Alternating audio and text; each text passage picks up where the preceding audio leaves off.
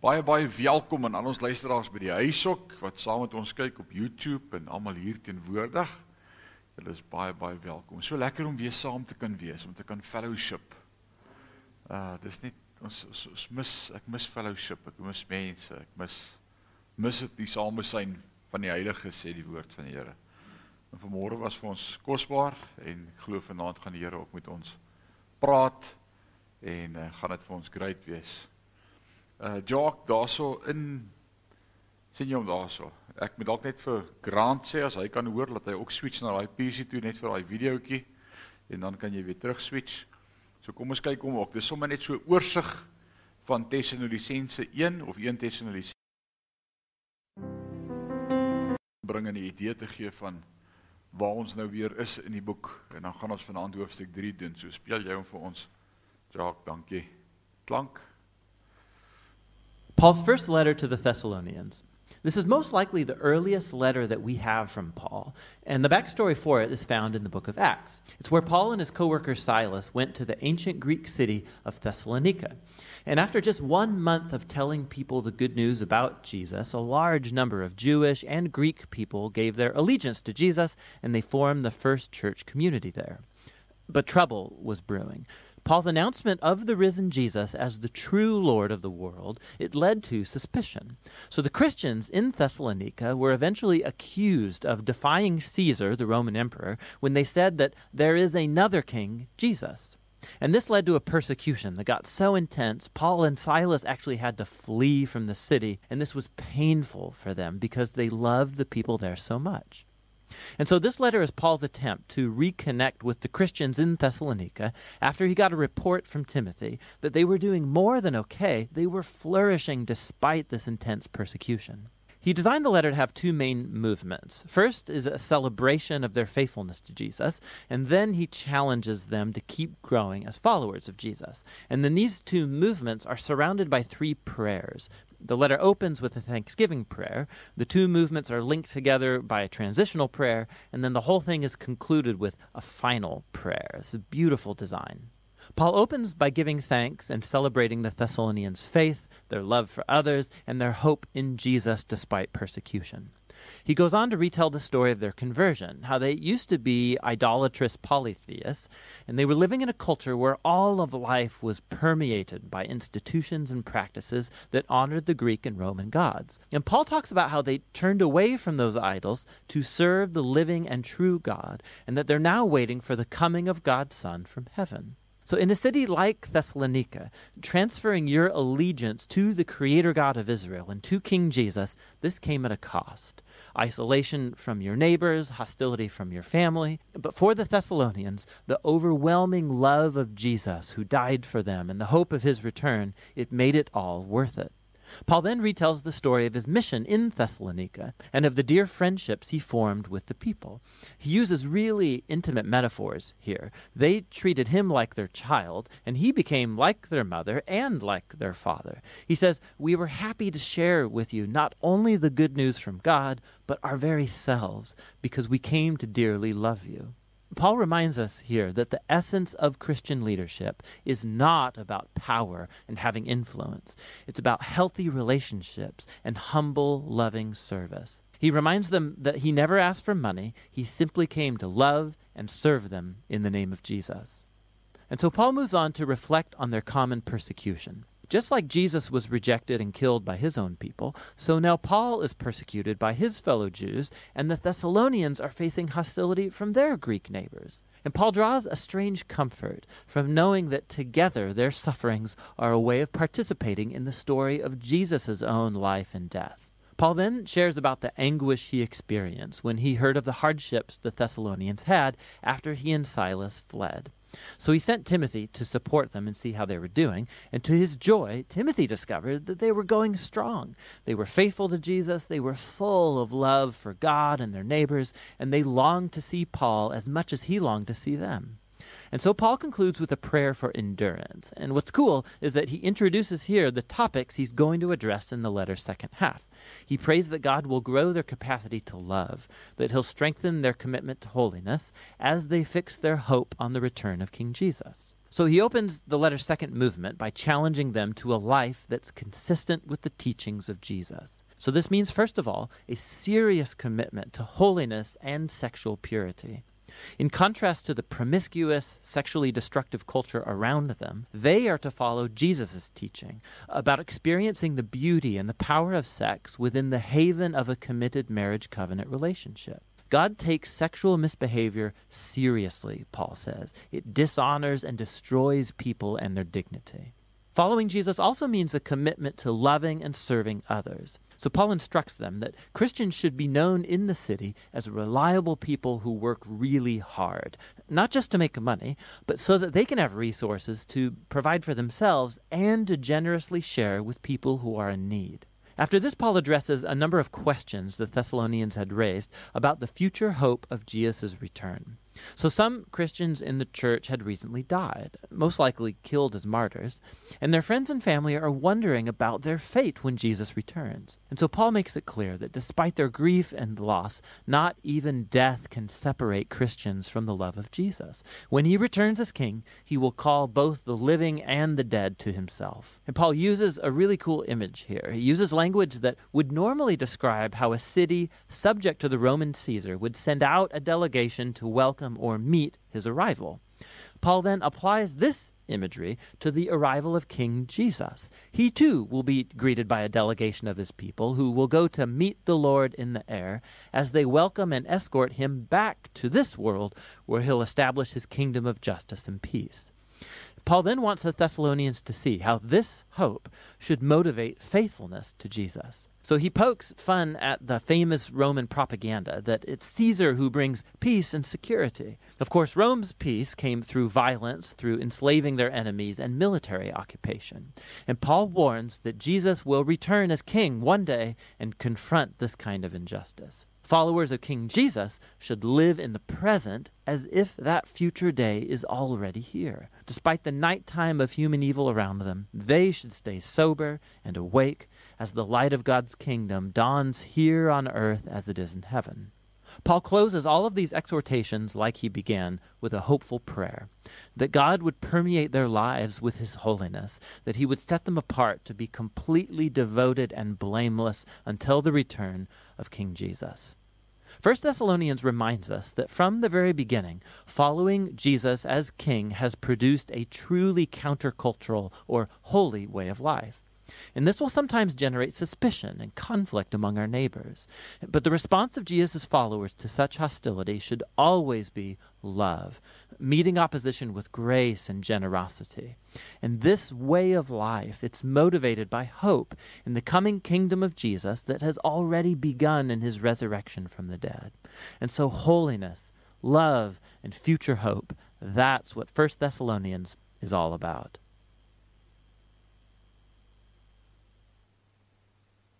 En uh, nou kan julle maar Dit is vir my mooi as ons 'n hele boek so kan opsom in een nugget en dis waaroor hierdie boek gaan. Kom ons sit net so dan bid ons saam.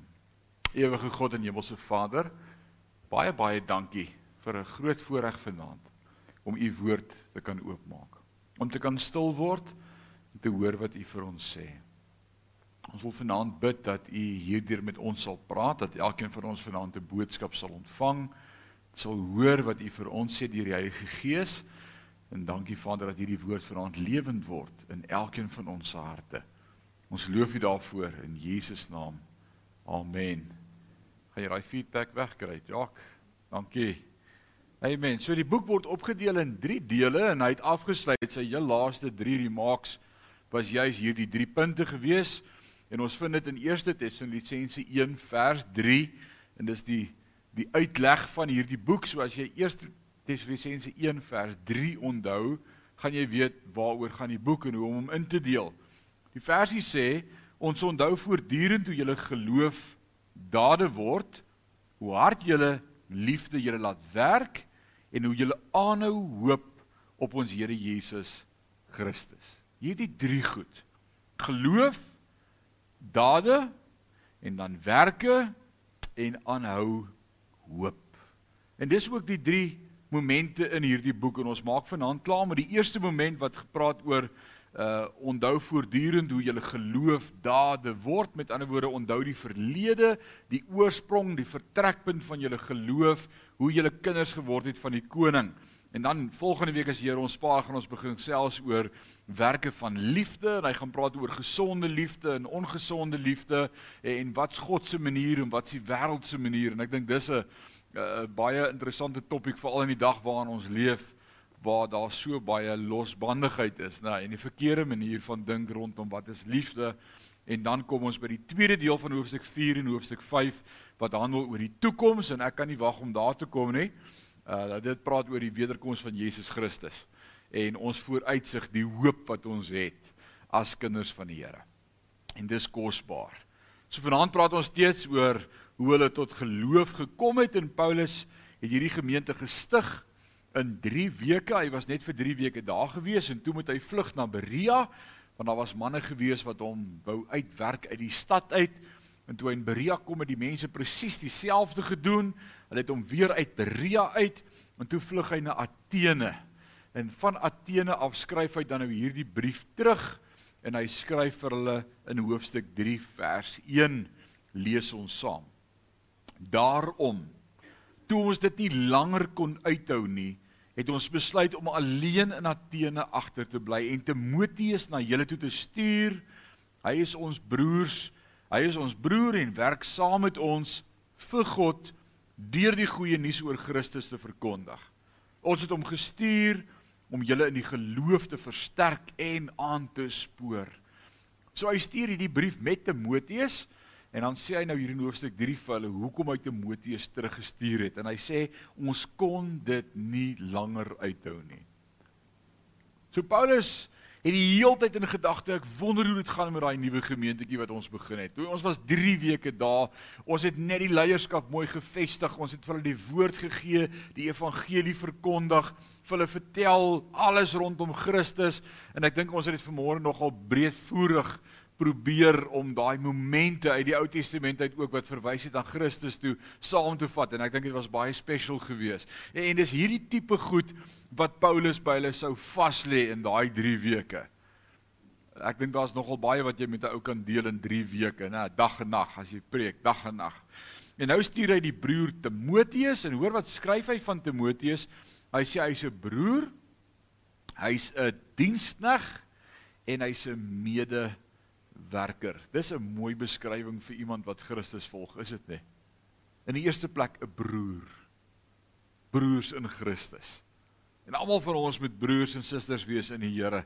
En dan in die tweede plek praat hy van 'n dienskneg, iemand wat diensbaar is. Iemand wat bereid is om vuil te word. Nie iemand wat 'n pak dra en sê laat iemand anders dit doen nie. Nie die ou wat op die reserved parking stop nie, nee. Die ou wat sê ek sal ver stop laat ander kan naby stop. Die ou wat sê ek sal dit doen. 'n Dienskneg. En dis wat God wil hê in die koninkryk, diensknegte. Waar vind ons 'n voorbeeld van Jesus as dienskneg? Praat gou met my. Ah, Johannes 13 die avondmaal, die boefretrek. Hier kom die disippels om te kom eet. Jesus het die plek bespreek, die boefretrek. Twee disippels het gegaan om die plek reg te kry en as hulle daar kom, vind hulle Jesus op sy knieë met 'n skottel water, 'n voorskoot aan en hy hy sê kom dat ek julle voete was. Petrus is baie upset. Hy sê u my voete was. Daar's nie 'n manier nie. En Jesus sê Petrus, ek moet jou voete was. As ek nie jou voete was nie, gaan jy nie deel hê aan my koninkryk nie. Hy sê dan nie net my voete nie, maar hele lyf sommer. Hy sê nee, nee, nee Petrus, o, wow, jy verstaan nie lekker nie. Dis jou voete, jou wandel in hierdie lewe. Dis waar jy vuil word, daar waar jy trap. Maar jy's reeds geheilig deur die woorde wat ek tot julle gespreek het. Met ander woorde, hier sien ons so pragtig daai simboliek. Ons is rein, ons is innerlik klaar wedergebore. Ons gees behoort aan koning Jesus. Ons is hier's heiligmaking hier binne, maar ons vlees, die voete, daar waar ons trap op die aarde. Dis die goed wat vuil word, is dit nie? Dis daar waar ons ander gewoontetjies aanleer en waar ons kyk op plekke waar ons nie moet kyk nie en luister wat ons nie moet luister nie. En Jesus sê ek het nodig om jou voete te was. Voortdurend word ons gereinig. So Jesus was vir ons die eiens, hy was vir ons die voorbeeld gewees daarvan om juis voete te was en diensbaar te wees. En dan die derde pragtige beskrywing van Timoteus is hy's 'n medewerker. Die Engelse term sal sê 'n team player. Hy was nie 'n lone ranger nie. En ek dink sommer aan bedienaars uh, in ons eie land en oor die wêreld en en die manier hoe hulle hulle self projekteer en hoe hulle voorkom en en hoe dit lyk Ha. Ek het 'n probleem met sommige van daai ouens. They're not team players. They're high and mighty and exalted. Dit is 'n goue stoel waarop daar gesit moet word en net die beste. En ek dink Paulus sterf sewe dode as hy moet sien hoe lyk predikers in ons dag. Wat sê ons is dienaars van die woord. 'n Dienaar van die woord is 'n ou wat bereid is om vuil te word en te dien. Dankie vir daai een amen maar dis hoe 'n dienaar moet lyk. Ek het nie tot die bediening toegetree om elite te wees nie. Ouens, wie wat naby my is, ken my hart. My hart is om te dien, om om vuil te word, om om die minste te wees. Ek dink dis wat Jesus van ons verwag. En dis vir my so pragtige getuienis wat Paulus hier skryf van gaan oor die lewe van Timoteus, is om te sê Timoteus, 'n dienaar, hy's 'n broer, 'n dienskneg en 'n medewerker. Dit spreek vir my ook van nederigheid, né? Sometimes we too high to come by. Een oom gesê. Nee. Ons as kinders van God moet nooit op so 'n pedestal wees dat ons tog net nie met die wêreld in aanraking wil kom nie. Ek ek dink aan daai rabbi daar in Jerusalem, die aan daar in Ben Yehuda straat, kan jy onthou? Uh en Dalena, ag heerlikheid, ons is nie daar in ons gaan doen inkopies en sy sien hoe sit die rabbi sy sak neer en hy stap weg en sy vat die sak in sy hardop na hom toe en tik hom op die skouer en sê sorry sorry you left your groceries. Dit was 'n groot fout. Moeilikheid. Wat het hy gesê Dalena? 'n kyk gegee en geloop. Het hy sy groceries gevat? Arme man, hy moes sy klere gaan verbrand en gaan bad. Jy het hom onrein gemaak. Want hulle meng nie met semels nie. Hulle is high and mighty. Hæ? Laat my dink aan die gelykenis wat Jesus vir ons vertel van die barmhartige Samaritaan. Die seentjie kom by die huis en sy ma vra wat het die dominee gesê? Hy sê nee, hy het gepraat van die barmhartige Samaritaan. Die barmhartige Samaritaan. En wie het verbygekom? Eerste die priester, die rabbi. En hy was so bang hy raak aan hierdie Samaritaan dat hy aan die ander kant van die pad verbygeloop het, want dit is onheilig. Is dit God se manier oor koninkryk? Is dit is dit wat in ons harte moet wees? En daarom wil ek vir jou sê as kind van God wat 'n getuienis het dat jy verhouding met die Here het, maak jou hande en jou voete vuil. Dis wat Jesus gedoen het vir ons. Hy het ons vuil sonde op hom kom dra. En ons wil baie keer nie met mense sê, "O oh, nee, net nie dit nie." Nou ek wil nie dit nie en ek ek is nie nie vra iemand anders om dit te doen. Ouens, ons moet diensbaar wees. Sê saam met my diensbaar. Dis dis 'n mooi eienskap in die koninkryk. Mag Sion 'n plek wees in Parys wat sê, "Jesus, as jy iets gedoen wil hê, vra vir Sion. Hulle hulle gaan dit vir jou kan doen." Wees diensbaar. Wees diensbaar. Stap die ekstra myl. Ons ons gemeentelede en ons gemeenskap moet bekend staan as ouens wat meer gee by sy werk as wat van hom verwag word. Nie die ou wat 1 minuut voor 5 sy pen neersit en sê sorry, dis 5 uur ek loop nie. As iemand 'n ou soek om te kom werk by hom met my bel en sê hoorie is daar nie van jou lidmate wat werk soek nie want jou lidmate is anders. Hulle is diensbaar. Hulle stap 'n ekstra myl. Sal dit nie 'n mooi getuie wees, wees in Parys nie? Is dit nie deel van hoe ons ons getuienis uitleef in die wêreld nie? Om te sê word nie aan hierdie wêreld gelykvormig nie, lyk anders. Kom aan. Maar dis wat Timoteus was. Hy was anderster geweest. Hy was diensbaar en ook 'n medewerker. En ek wil vir ons jong manne sê wat teologie studeer en wat aspirante is vir die bediening, dis die eienskappe wat van die bediening 'n sukses maak. Om 'n broer te wees, om 'n medewerker te wees, om diensbaar Dis die goed wat 'n suksesvolle pastoor in die lewe maak.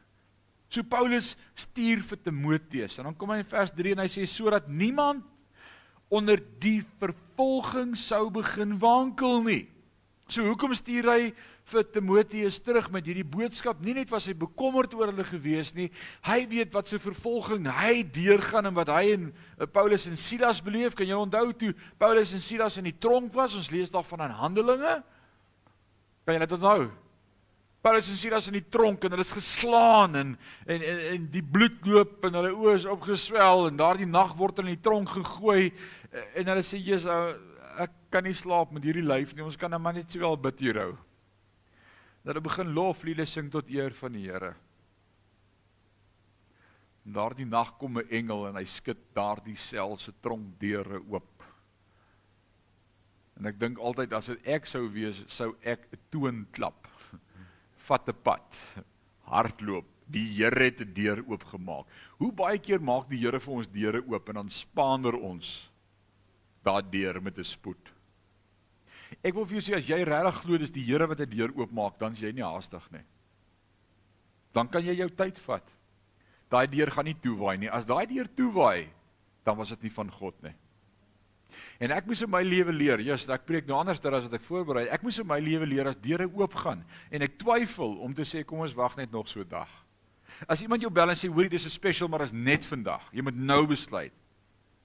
Dan weet ek, uh uh. Nee. Nee. Gee my tyd. Ek moet eers vrede in my hart kry. Ek moet met my baas praat, my vrou. Eers hoor wat sê die baas. Bel my môre. Nee meneer, dis net vandag en sê ek weet jy wat, ek's uit ek's uit. Maar as dit van God is, dan waai daai deur nie sommer net toe nie. Ek kan my tyd vat. God wag vir my. En dis hoe God deure oopmaak. Ek weet nie vir wie sê ek dit vanaand nie, maar die Here lê dit op my hart om dit te sê. Dalk staan jy voor 'n keuse vir besluit wat jy moet maak. Jy dink jy's ek beter dit nou maak of ek gaan dit mis. Ek wil vir jou sê dis nie van die Here nie. As dit van die Here is, vat jou tyd. Alraai. Dis dis verniet. sodat niemand onder julle vervolging sou begin wankel nie. Met ander woorde Paulus se hart was, ons weet wat se vervolging ons beleef, ons weet waartoe ons gaan en ons is bang julle beleef dieselfde en julle gaan wankel. Ons is bang julle val. Ons is bang julle kan dit nie hou nie. Ons is bang julle gee in van die groepsdruk en die geweld en die vervolging vir julle geloof en en dis hoekom vir Timoteus wil stuur om julle te kom bemoedig en, en julle staande te hou en julle te encourage om te sê hou bene hou moenie moenie moeg word nie Ek dink dis 'n woord van bemoediging in ons dag wat ons beleef. Ek het dit vanmôre probeer doen om om 'n woord van bemoediging te spreek en te sê te midde van alles wat jy beleef, bly staande, bly glo, bly bid, bly vertrou, hou vas aan die Here, hy gaan jou nie los nie. En dis presies wat Timoteus moes kom doen het. Julle weet self dat ons vir vervolging bestem is. Nou vat net jou pen en krap daai versie in jou Bybel dood. Sê nee, ek weier om dit te vat. Sorry. Ek glo in prosperity en dit moet net goed gaan. Ons het vanmôre daaroor gepraat. Jesus sê vir hierdie Emmausgangers, weet jy wat is julle probleem? Julle vat nie die hele skrif nie. Julle is selektief met die Bybel. Nou hier's nou 'n goeie voorbeeld van om selektief na die Bybel te kyk. Want die oomblik as moeilikheid in my en jou deur klop, dan stee ons vir die duiwel gaan na die hel. Wat sê Paulus? Hy sê julle weet self dat ons vir 'n vervolging bestem is. Liewe hemel Paulus, dit klink vir my soos 'n smart vraat. Wat het die Paulus al so oor homself praat? Ek is bestem vir vervolging. Bring dit aan. Het jy al so gedink oor jou lewe? Attie? Sê nee, hierdie is nie van die Here nie. Ek weerstaan die duiwel. Hy moet van my vlug.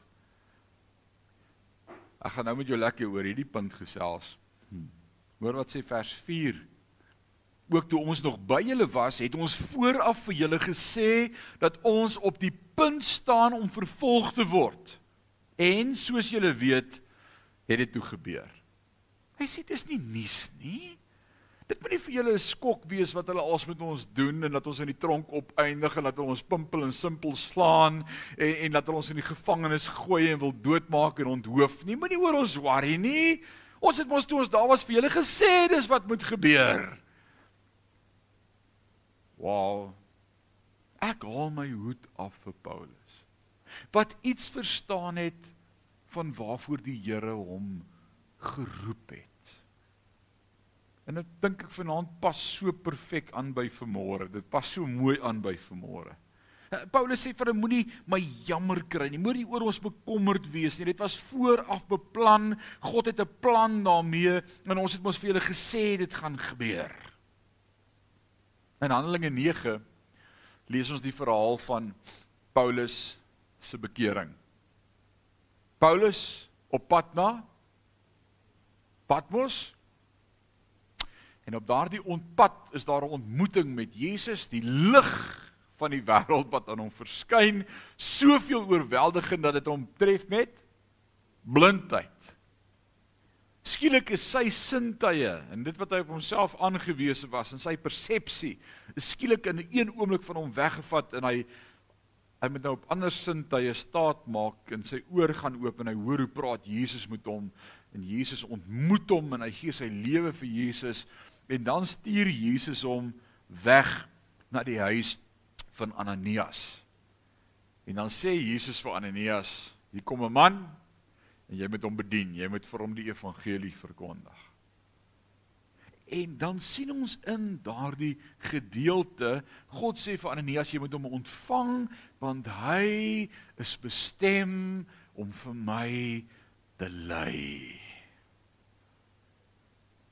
Imagine as daar met jou bekering die dag vir jou 'n gebed gedoen is om te sê Here, dankie dat U vir Attie ingebring het. Attie, jy's bestem om te lei. Sou jy jou hart vir die Here wou gee? Ek wonder of ek sou.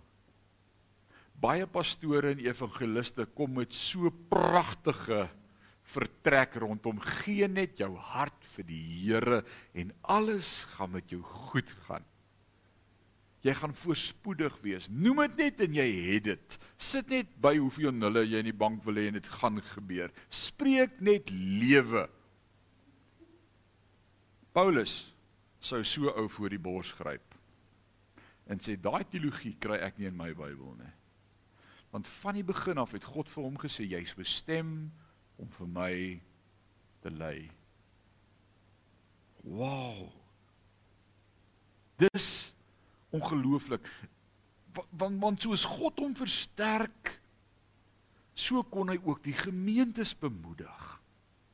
Ek dink vanmiddag daaraan, wat was die rede hoekom Paulus moes ly? Regtig? Wou God hom straf vir al die Christene wat hy vervolg het en doodgemaak het voor die tyd? Is dit nou sy straf geweest? Wat was die doel gewees van Paulus se lyding? En weet jy wat kom ek net agter hoe meer ons lees van Paulus in sy briewe, hoe meer hy gelei het, hoe meer bemoedig hy medekinders van die Here in Christene. Hoe meer hy in die tronk sit en suffer, hoe meer skryf hy vir die gemeente in Filippi en hy sê: "Verbly julle in die Here." Ek herhaal: "Wees bly in die Here." Hy is ons sterkte. Dis dis asof hy meer in daai krisis gefokus het op ander se welstand as ooit op sy eie omstandighede.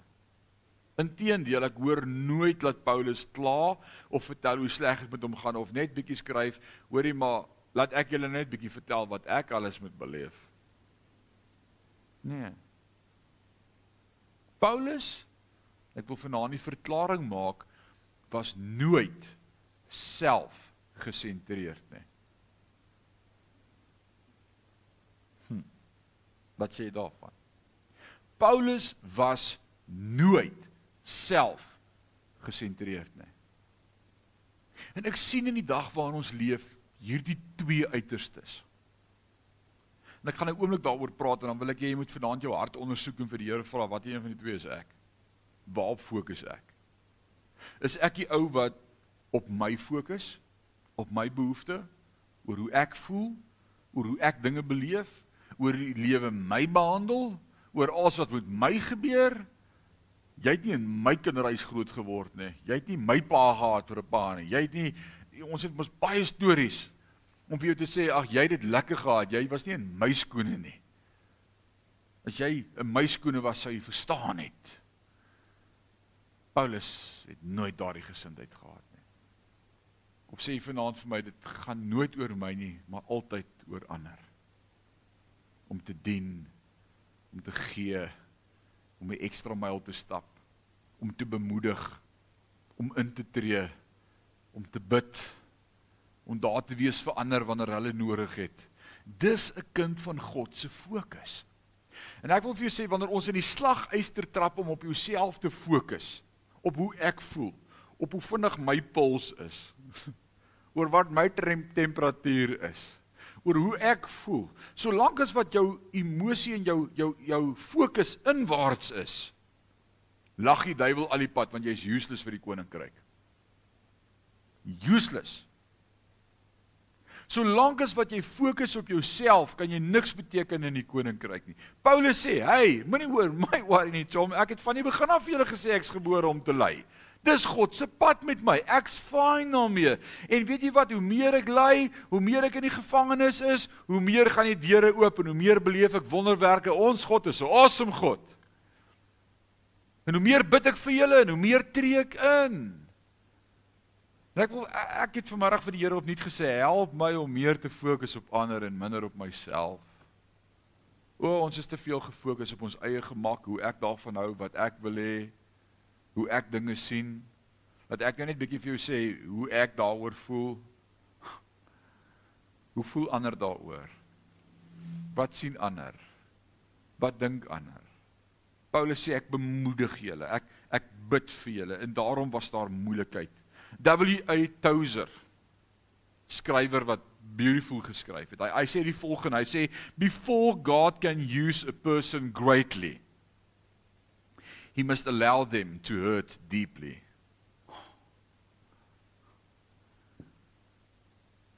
Moet ek dit weer sê? Before God can use a person greatly, he must first allow them to hurt deeply. Ek het baie as jong man in my lewe baie trane voor Here gestort vir baie seer vir die Here gesê, hoekom moet ek deur hierdie goed gaan? Dis nie lekker nie. Ek wil vandag sê dit was alles die moeite werd. Sodat ek 'n hart sal hê en empatie met ander mense wat deur dieselfde goed gaan en vir hulle kan sê, fokus op God. Dis alles die moeite werd. My bediening sou nie dieselfde gewees het as dit nie vir daai pyn en die seer en die konflik en die kopstampe in my lewe was nie sou net nie dieselfde gewees het nie. En daarom wanneer hierdie goed in die lewe kom, wanneer hierdie goed gebeur, wil ek amper sê embrace it. Wanneer pyn my pad langs kom, wanneer seer my pad langs kom, wanneer moeilikheid my pad langs kom, wanneer probleme aan my deur klop, just embrace it. Want God is met my en hy sal my nooit begewe en my nooit verlaat nie. As ek vroegoggend daar by die huis uitry met my Mahindra en ek maak vir my 'n beker koffie en ek het so 'n mooi takeaway kap, Sion kappie, daai bloue en ek vergeet om die dekseltjie op te sit en ek sit die koppie op die dashboard en ek ry van net Enstraat af tot by die kerk en daar's seker 40 potholes in hierdie stukkie. En ek gaan deur 'n pothol. Wat spring uit my koppie uit? Gerda, wat sal jy raai spring uit my koppie uit? Koffie. Want net wat binne is kan uitkom. Daar spring nie water uit nie of wyn of hulle kan bly wees daar spring nie wyn uit nie. Maar daar spring nie melk of allerlei ander goed uit nie. Daar spring koffie uit want dis wat in is. En ek dink hieroor vanmôre baie keer wanneer ons in 'n krisis kom, dan dan kom hier skielik 'n ding uit my gemoed uit. Dalk bitterheid. Dalk woede dalk emosies van frustrasie of minderwaardigheid. Dalk daardie seer van goed wat lank terug gebeur het en dan sou ons kwaad vir die omstandighede en ons sê hierdie omstandighede maak dat ek so voel. Ek was fine. Ek doen nou die huweliksberading. En die man en die vrou sit voor my. En die vrou sê ek was fine totdat jy met jou goed begin het. Hmm fout is nie by my nie. En ek sê my tannie, jy was nog nooit fine nie. Maar jy sien nou gaan ons deur die pothol en nou kom die koffie uit en nou sit iemand anders se skuld dat daar koffie in my beker is. Maar dis wat in jou hart is. En wat ek geleer het van toetse in die lewe, God laat toetse kom sodat ek kan sien wat in my eie hart is. Hmm. Sometimes he rocks the boat so that I can know what's in my heart. David bid, hy sê, "Create in me a pure heart, O God, and restore a righteous spirit within me. Cast me not away from your presence, O Lord. Take not your Holy Spirit from me, but restore unto me the joy of your salvation and renew the right spirit within me." Dis wanneer ek en jy in krisisse kom wanneer ons in omstandighede is waar waar, waar dinge skeefloop, waar, waar ons in in in gevaarlike omstandighede kom waar ek 'n geliefde verloor en het dood of of wanneer daar finansiële nood aan my deur klop en ek sit in 'n put en ek weet nie hoe om daar uit te kom nie. Dis dan dat ek my hart moet bewaar bo alle dinge sê die woord want daarin is die oorsprong van lewe. Ek kan nie keer wat met my gebeur nie. Jy kan nie keer wat met jou gebeur nie. Louis, jy en Es kan nie keer wat met julle gebeur nie.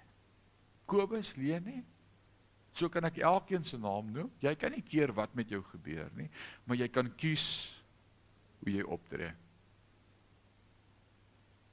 Ek kan nie help wat alles met my gebeur het nie. Maar ek kies hoe ek optree. En ek weet die woord sê ek's meer as 'n oorwinnaar. En dit voel dalk nie op daai oomblik vir jou so nie, maar dis wie ek is. En ek spreek vry en ek draai die ander wang. En ek soek God meer as ooit. Inteendeel en ons het vanmôre daaroor gepraat, moeilike tye dwing my om meer en nader aan God te kom. Wat is die sin van moeilikheid? Wat is die sin van die ellende van die lewe? As God 'n goeie God is, hoekom gaan ek en jy as kinders van God deur moeilike goed?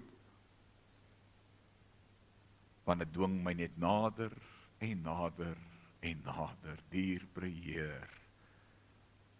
Trek my nader nader nader aan u sy.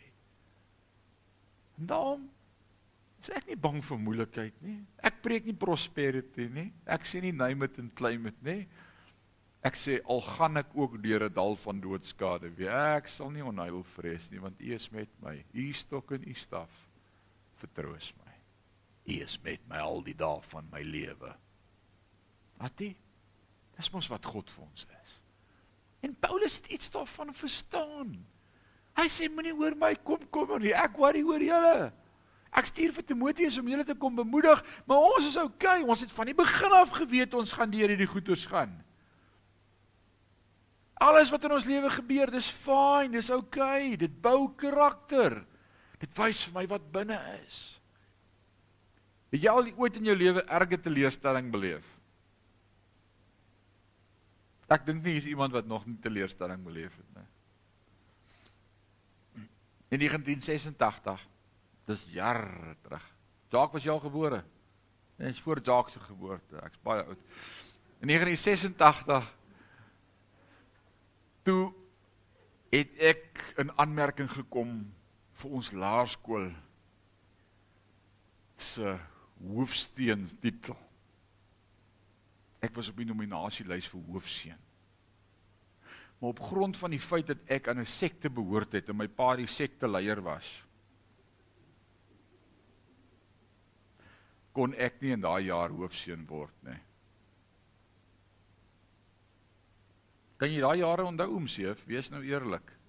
Ons was sektes. Nou is jy ook hier by die sektes. Maar ons was sektes. Jy het in die verkeerde kerk behoort, jy was vir die verkeerde politieke party gestem, verkeerde kant van die spoor gebly. Ons het al drie afgetik. En ek was diep teleurgesteld en seer gemaak in my hart. Maar ek het besluit dit gaan nie my gesindheid verander nie. Dit gaan nie my onderkry nie. En op daardie stadium het ons nie in ons laerskool 'n musiekjuffrou gehad nie. So ons het in die saalopeninge sonder musiek gesing. Die skoollied en die stem en al die goed wat ons sing. Maar die Here het my gebless met 'n gawe om musiek te kan hoor. Ek kan nie 'n noot musiek lees nie. By the way, dalk weet jy dit nog nie van my nie. Ek is glad nie so slim nie. Maar ek kan hoor en ek hoor 'n tune net een keer dan speel ek vir hom. En ek was in die laerskool. Standaard 6 en standaard nee, standaard 4 en standaard 5. In daai tydperk wat ek toe nou nie verkies is as hoofseun nie. En toe gaan sien ek die skoolhoof. Meneer Kuipers. En hy het een van daai snorre gehad soos 'n circus ring ringmaster. Ja, kan jy dit onthou? Hy het hom so gedraai dat hy so pin reg op hom word hy so dunner tot hy feit. So dunner. En party dae het hy as hy nou as dan moet jy weet nou die moeilikheid as hy so opkrul dan Enrico Kuiper, my skoolhoof. En ek gaan sit in die kantoor en ek sê meneer, ek wil jou sien. Hy sê ja. Waaroor? Ek sê hierdie ding wat ons sing in die skoolsaal sonder begeleiding is sommer nonsens. As jy vir my voor die tyd sê wat gaan ons sing, dan sal ek speel. Hy sê jy. Toe is die sekteleier goed genoeg om die hele skool te begelei. En ek speel die klavier. En ons sing die stem en ons sing uit die blou van ons hemel en ons sing al drie in die ossewaans. Maar ek ken glad nie hierdie groot kerk se psalms en gesange nie, want ons sing koortjies. En ons sing vir hom oor en oor soos maklik om hom te onthou. Dit is kort versies. Dan moet ek by hom in die kantoor gaan sit voor die tyd. Dan roep hy my oor die interkom. Uh, Rinus kom asseblief kantoor toe, dan kyk die onderwyser vir my wat gaan nou hier aan. Ons gaan nou 'n bietjie musiek oefen. Ek in die hoof. Dan sê hy vir my ek wil Vrydagoggend gesang 333 sing. Dan sê ek sing hom vir my meneer. Dan hy die boek, dan sing Enrico vir my. Gesang 333. Op vaste fondamente het God sy kerk gebou. Apostels en profete het hy dit toe vertrou. Sê ek nee, ek dink ek het hom. Ons sal reg wees vir môre. Dan sê ek uit môreoggend dan kondig hy aan ons staan dan sing ons gesang 333 dan kap hierdie apostolie daar agter die klavier 'n jazz tune vir gesang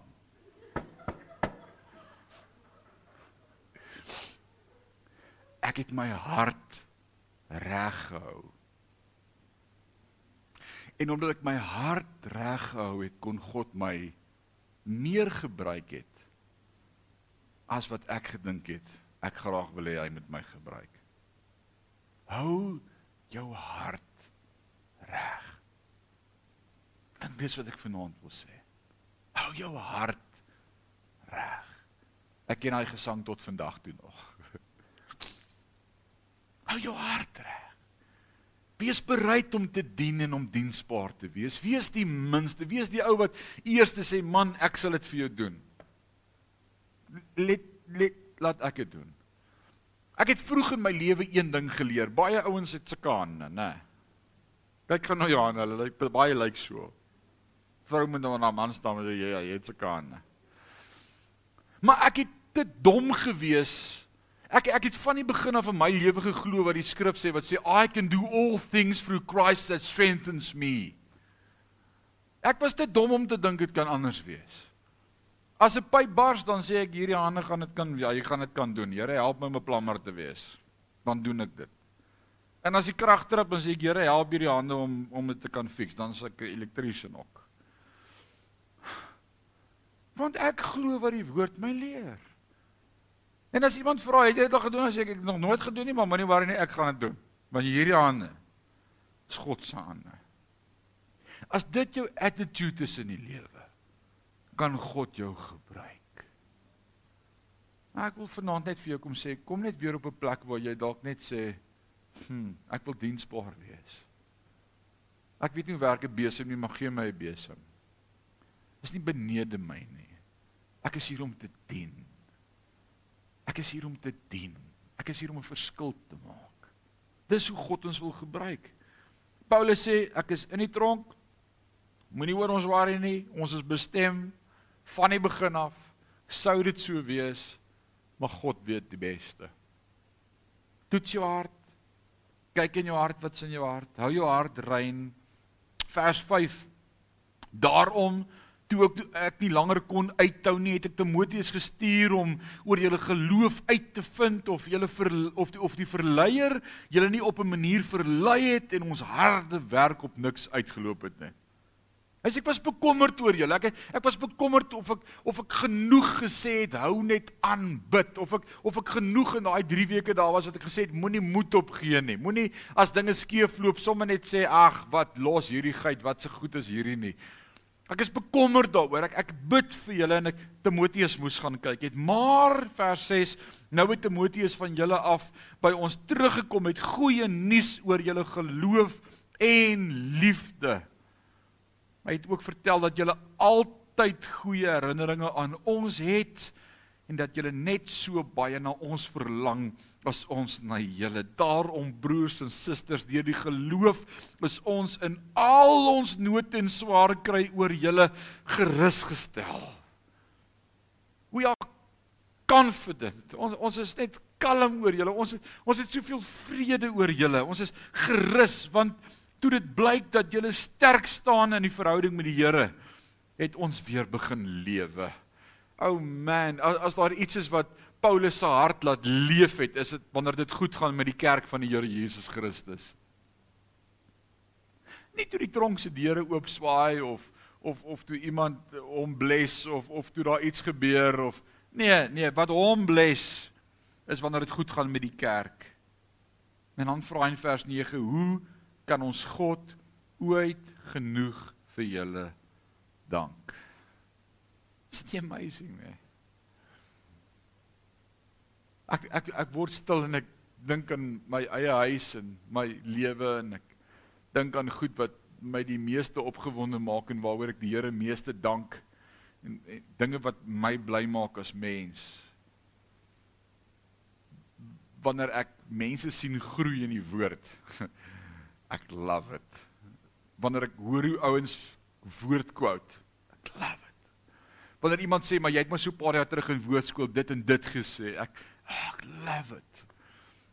Wanneer wanneer allerhande fop nuus rondgaan en ek hoor iemand sê nee man, ons is mos geleer hierdie goed moet gebeur. Dan dink ek, "Ag, oh, iemand het geluister. Ek ek love it." Weet jy wat maak my hart nog blyer as dit? In die laaste jaar en paar maande die Here regtig vir ons as gesin baie kosbare tyd gegee saam en wat ons saam die aangesig van die Here kon soek en kan soek en elke aand is een van ons vier wat die woord moet bring en Dewald kom daar in met sy Bybel en dan sê hy ek is so opgewonde om vanaand preek ek vir julle en dan lees hy net een versie en dan maar dis dis dis awesome. En en nou Christian, hy kom kort kort by my dan sê hy pa ons moet praat. Dan oef, wat's dit nou? Dan maak hy die Bybel oop en sê ek ek verstaan nie hierdie ding nie. Verduidelik weer vir my hierdie. En in die week iewers kom hy weer by my sê nee, nee, jy's like ek ek sukkel weer met hierdie met hierdie teks. Kom kom verduidelik vir my hierdie teks. Ek sê waar is jy nou? Hy sê Pa het gesê ek moet in die Nuwe Testament lees. Ek's nou hier in Matteus. Maar ek's hier in Matteus hoofstuk 5, 4, 5, ja 5 en, en hier's 'n klomp moeilike goed. Just like hy hy sê as jy net as jy net vir jou broer sê raka dan is jy op pad hel toe en Pa het vir my gesê daar's niks wat jou kan skei van Christus nie. Nee, ek het al baie vir Dewald gesê hy's dom sê my kind, ek dink nie dis wat die teks vir ons probeer leer nie. Ek dink wat Jesus vir ons hier vir, vir die Jode probeer sê. Ek sê onthou Paul leer vir jou is dit voor die kruis of na die kruis? Hy sê voor die kruis. Ek sê so met wie praat hy? Sê met die Jood. Ek sê so wat sê Jesus vir die Jood? Hy sê hy sê vir hulle het hom nodig. Ek sê het hulle dit verstaan? Ek sê nee, hulle het nie. Ek sê net maar daat jy jou antwoord en ek draai hom en ek loop. En so 'n halfuur later kom ek agter maar eers hy het my iets gevra vandag wat ek hom nog nie geantwoord het nie. En ek stap na sy kamer toe en sonder om te klop maak ek die deur oop en ek stap in. Nou praat ek uit. Maar my huis weet alles wat daar gebeur is. Daar's nie kopiereg op dit nie. En hy sit voor sy lesenaar en die trane loop oor sy wange. Dof wat's fout met die kind? Is jy okay? Hy knik net so vir my. Hy praat met die Here. Hy's hy's dankbaar vir die kruis. Hy hy verstaan genade. Ek gaan sit in die kamer by Aline en ek sê vir haar, "O, oh, dit maak my hart so bly." Uit 'n verhouding met die Here. Paulus sê, "Nou kan ek weer lewe. Dit dit maak ons die blyste om te hoor dat jy nog staande is." Ek wil vir jou sê, dis hoe jy moet voel oor medegelowiges. Dis hoe jy moet voel oor jou familie. Dis hoe jy moet voel oor ander kinders van die Here. Dien hy nog die Here? Ag, oh, ek so bly die nog Here. So awesome. My hart is sommer net vol vanaand met dankbaarheid teenoor die Here want hy hy's net so awesome God. En as daar een ding is wat ek weet vanaand is hy hou ons so vas in die holte van sy hand. Ou Gerda, hy is met ons. He is for me, not against me. 'n Toets, hy hou jou vas. Hy hou jou vas. Al die dae van jou lewe sy met jou. Vanaand wil ek opnuut vra Here skep in my daardie dienskneg hart om om nooit op 'n plek te kom waar ek geestelik hoogmoedig is of dink ek is iets nie, I've arrived. Die woord sê as jy jou lewe liefhet, sal jy dit verloor, maar as jy jou lewe aflê, sal jy dit behou tot in ewigheid. Hy sê hy wat die minste is in die koninkryk sal God verhoog. Of vanaand opnuut vir die Here sê hier's ek 'n dienskneg. Bereid om vuil te word. Bereid om te doen sodat ek 'n verskil kan maak in ander mense se lewens. Kom ons sit net so dan bid ons saam. Vader, Die woord is awesome. En so kan ons vir ure aanhou om uit die woord uit te praat en dit wat die Heilige Gees ons lei om te gesels en dis dis dis net so 'n blessing vanaand. Hier so mooi so mooi tasbare belewenis van die Heilige Gees werking in ons midde en dat U vanaand met ons praat. So awesome om aan U te behoort en Paulus sê as ek roem roem ek in die kruis. Koos Doep sê wat ek is is net genade en wat ek het is net geleen. My gebed vanaand is dat ons minder en minder sal word sodat u meer en meer in ons sal wees. Hoe vanaand bid vir elkeen hier teenwoordig. Ek bid vir elkeen by die huis wat saam met ons kyk. Ek wil bid Here dat dat U ons vanaand opnuut sal kom vasdruk teen die bors.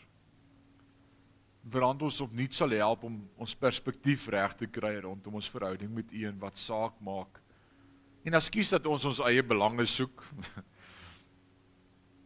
Ekskuus dat ons fokus inwaarts gerig is plaas van op ander dat ons meer na onsself let as wat ons kan beteken vir ander dat ons vergeet ons is hier om te dien en instrumente te wees en bruikbaar te wees en diensbaar te wees en 'n verskil te maak in ander se lewens. Dankie dat ons vanaand opnuut onsself kan aanmeld en sê Here hier is ek. Gebruik my. Gebruik my. Bless ons in hierdie week met u teenwoordigheid. Hou ons vas teen die bors. Hou ons trou. Help ons fokus. Rig dit op Jesus Christus, die leidsman en die volëinder van ons geloof. Ons het U lief. U is kosbaar vir ons. Ons het U koms lief. Ons het u ons het 'n verwagting in ons harte dat u ons gaan kom haal en dat ons by u kan wees en ons sien so uit daarna, maar daar's so baie wat nog moet saam en en help ons terwyl ons werk vir Jesus tot hy ons kom haal. Arbei vir die meester. Nie vir onsself nie, maar vir u. Nou mag die vrede van God wat alle verstande te bowe gaan ons hart en ons sinne bewaar in Christus tot hy ons kom haal. Amen.